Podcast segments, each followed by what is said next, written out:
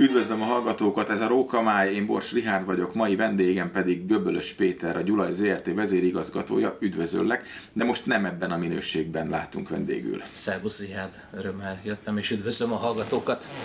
Ez már a sokadik próbálkozásunk, de végre sikerült mikrofon elé kerülnünk. Az apropó pedig az, hogy tavaly, májusban egy nagyon érdekes és izgalmas fotószafarin vettél részt, méghozzá Afrikában. És mielőtt belemennénk a részletekbe, miért pont Afrika? Tanzánia nekem régóta a szívem csücske és szívem közepe olvasmányaim alapján. Kisgyerekkorom óta Széchenyi Zsigmond Kittenberger Kálmán írásai alapján ez egy ilyen fixa ideál volt, hogy egyszer adasson meg az életembe, hogy ide eljuthassak, és most ez tavaly e, sikerrel összejött, és hát természetesen a, a fotózás az a, a valóságnak a, aktív leképezése, amely, amely egyfajta érzelmi hullámokat is rögzít, és hát ezért különösen boldog voltam, hogy Tanzániát, legalábbis azt a részét, ahol jártam, igencsak végig tudtam fotózni. Mikor volt ez? Ez május vége, június elején, tehát pont abban az időszakban, amikor az esős évszak végén még a vegetáció mutatta a tavaszi szép virágos aspektust, még a növények nem, kett, nem kezdtek el visszaszáradni, de már azért a, a, a szárazodási időszak az, az elkezdődött. Ugye sokat olvasni, meg hallani, hogy Afrika már nem a régi, ugye ezt már Széchenyi is megírta a Denaturált Afrikában. De hogy tapasztaltad? Én nagyon érzékeny vagyok úgy általában, ha világban járok arra, hogy az ökológiai rendszereket az én vélelmezésem szerint milyennek látom, milyennek képzelem el a, az irodalom alapján, és ahhoz képest a valóság milyen. Én nyilván egy kimenetel, egy mintavétel, egy képrögzítés az nem, egy folyamatot nem tud leképezni, és természetesen Széchenyi Zsigmond mondatai mögött, ami a, a növényzetre vonatkozik, nem tudok folyamatot összeállítani, de én, én nekem az a rész, ahol mi voltunk, az a blokk, ahol én jártam, az megnyugtató képet mutatott. Az érezhető volt, hogy a legeltetési intenzitás vélhetően az utóbbi évtizedekben és ezt is csak vélelmezem, hogy valószínűleg a lakosságszám növekedése miatt intenzívebbé vált de alapvetően az ökológiai rendszerek, a, a, a nyugalmi területek, azok, azok ezen, a, ezen, a, ezen a területen tökéletesen működtek és működnek. Ugye mondhatjuk azt nyugodtan, hogy a, a fotózás is maga egyfajta vadászat. Abszolút. Ugyanaz a druk és ugyanaz az izgalom hagyja át az embert, hogy sikerül-e azt a képet úgy rögzítenem, amit, amit én azt szeretnék később is látni, meg amit ott adott pillanatban tapasztalok. Ugye akik valamennyire figyelemmel kísérnek, akár a Facebookon, akár a, a Nimrodon, ugye jelennek meg képeid a hazai flóráról és faunáról. Mennyiben különbözik Afrika a hazai viszonyokhoz képest? Nagyon érdekesek a számomra ilyen fotós szemmel nézve nagyképűen természetesen itt a fotós alatt amatőr fotóst ért, értek, mert messze vagyok én nagyon a, a profiktól, profi természetfotósoktól, ami számomra egy nagyon érdekes kép, hogy egy viszonylag száraz, homokos alapkőzetű területen voltunk, ehhez képest a levegőnek a tisztasága nagyon átható. Tehát a kontúrok azok nagyon jól látszanak, és ami, ami, ami csodálatos, és amit egyébként a vadászíróink is mindegyik megemlékezik róla kivétel nélkül, azok a fények. Tehát a fények egészen különlegesek. A hajnali fények egy tíz nap alatt én nem tudtam két egyforma, de még egymáshoz hasonló hajnalban vagy reggelen sem fölébredni, mindig, mindig más volt az adott szituáció, és ugyanígy az esti naplementék is, tehát ez egészen más viszonyokat teremt fotózás szempontjából, mint például az európai mérsékeltövi mi területeink.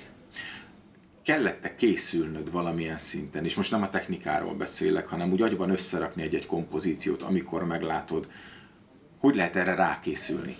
Folyamatosan, én magam is folyamatosan nézem a, a különböző afrikai fotósportálok, nemzetközi szinten dolgozó igazán profi fotósoknak a munkáit. Nyilvánvalóan azért egy olyan fotós, aki több hónapig és többszörös ismétlésben kint tud lenni, és meg tudja magának tervezni az adott időjárási viszonyokhoz, adott napszakhoz, adott várható vad megjelenésekhez képest a fotózást, nyilván ez a profizmusnak a, a abszolút túri passziója. Ez nekem nem adatott meg, igazából itt folyamatosan mentünk a területen, és, és az adott helyzeteket kellett rögzíteni. Erre előzetesen nagyon felkészülni nem volt idő, azt biztosan elhatároztam magamban, hogy azokat a fafajokat, azokat a cserje, bozótos részeket, azokat a folyómedreket, amiket volt szerencsém látni, azokat én előzetesen eldöntöttem, hogy rögzíteni fogom, és természetesen megpróbálva olyan szín és térbeliséggel megfogni, amit az ember úgy később is, hogyha ezt képernyőn meglátja, akkor érzéseket kell benne. Mert azért azt azon a szinten talán már túlléptem, hogy a fotóim azok nem minden esetben csak és kizárólag dokumentumfotók, hanem már helyenként egy-egy érzés elem is megjelenik abba, aki nézi.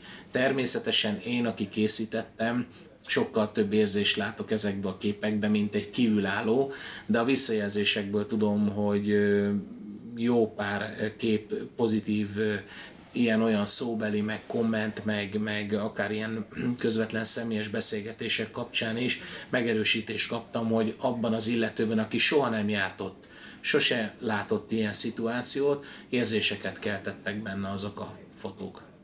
Ha jól tudom, akkor volt alkalmad Nemzeti Parkban, meg szabad területen is fotózni. Mesélj erről egy kicsit. Mi a különbség?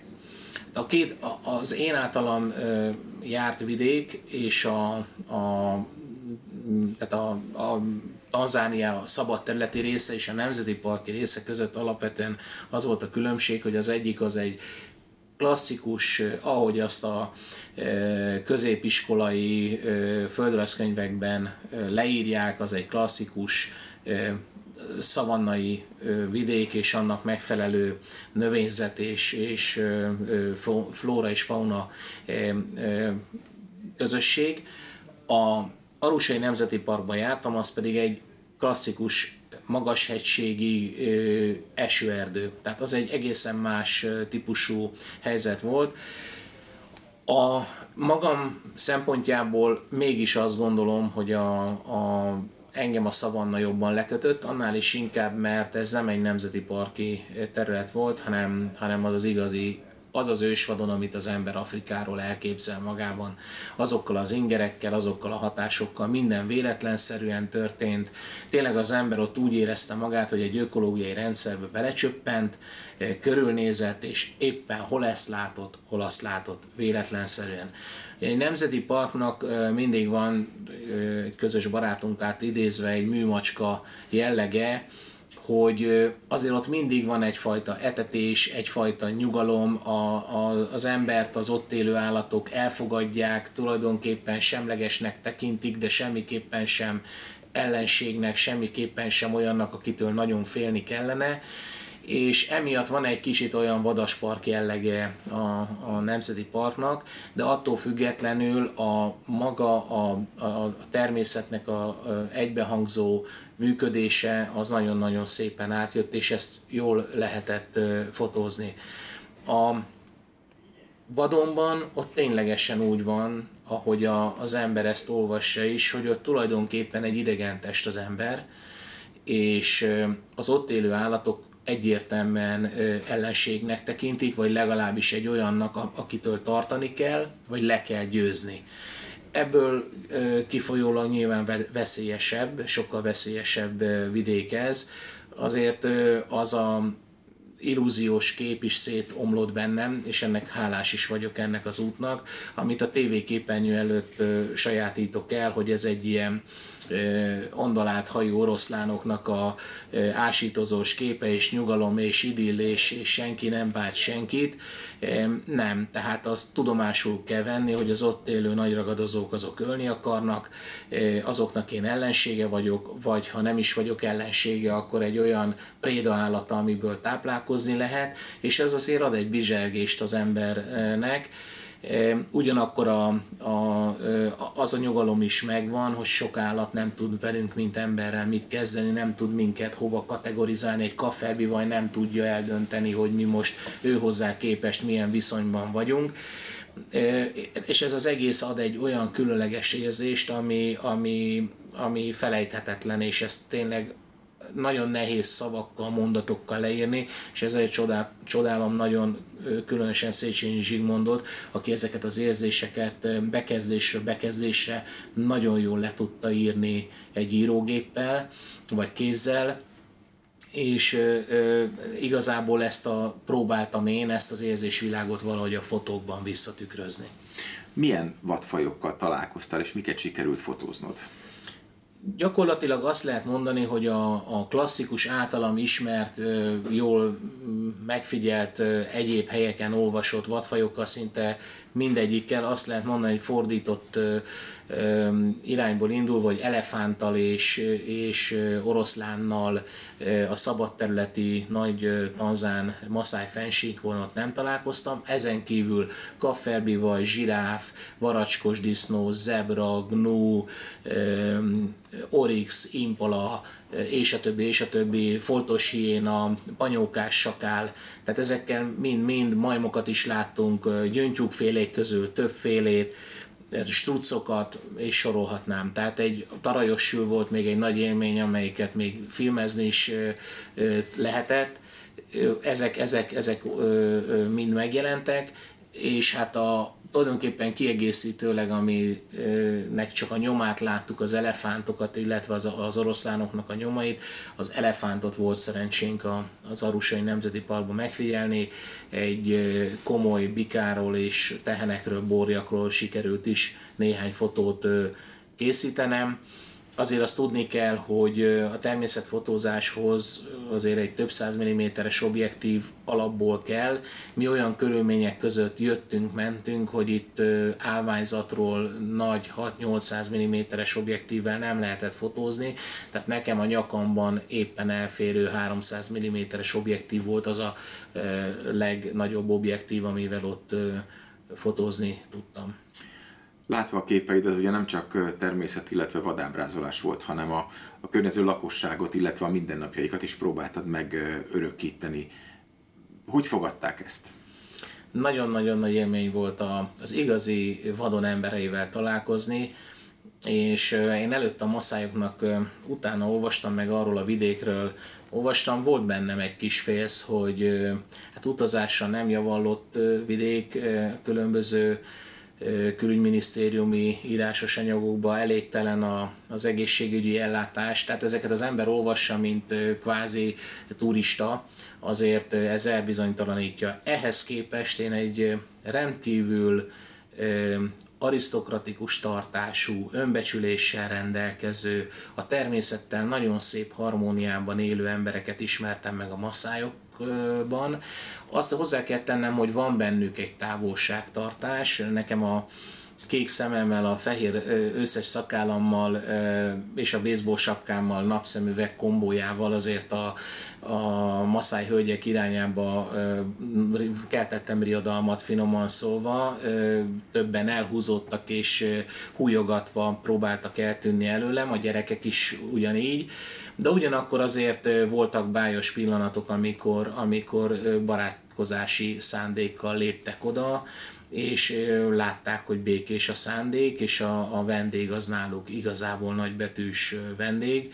Mindezt úgy, hogy egyébként nagyon-nagyon szerény körülmények között élnek, viszont alapvetően szerény, de, de azt mondom, hogy tiszta viszonyok között élnek, és hát próbáltam én a legkülönbözőbb technikáimat bevetni, hogy őket megörökítsem, filmeztem GoPro akciókamerával, mert az kis helyet foglal, filmeztem, fotóztam őket teleobjektívvel, közép, nagy átfogású közepes objektívvel, és hát a legkézenfekvőbb, amit a legjobban viseltek, mert nem nagyon tudták hova tenni, hogy azzal én éppen mit csinálok, az a mobiltelefon, és igen jó, nagyon szemléletes és a, az ő életüket jó visszaadó fotókat sikerült készítenem. Végezetül hány képet sikerült összehozni? Hát annyit, hogy még igazából a teljes feldolgozásában még mind a mai napig se végeztem, 5000 alaphangon, inkább 6000-et mondanék. Ebből egy jelentő, tehát a igazán szépeket, jó sikerülteket már kivettem, de még mindig találok a nyersanyagban olyan képeket, amelyeket megfelelő vágással és egy kis utómunkával nagyon-nagyon színvonalassá lehet tenni. Úgyhogy ezt majd többen piszkálnak, hogy egy élménybeszámolóval egybekötött fotós vetítést készítsek erről. Nem ígértem meg, mert azt nem tudják rajtam számon kérni, de, de nem zárom ki a lehetőségét, hogy egyszer készül egy ilyen kis előadás. Köszönöm szépen a beszélgetést. Örülök, hogy itt lehettem.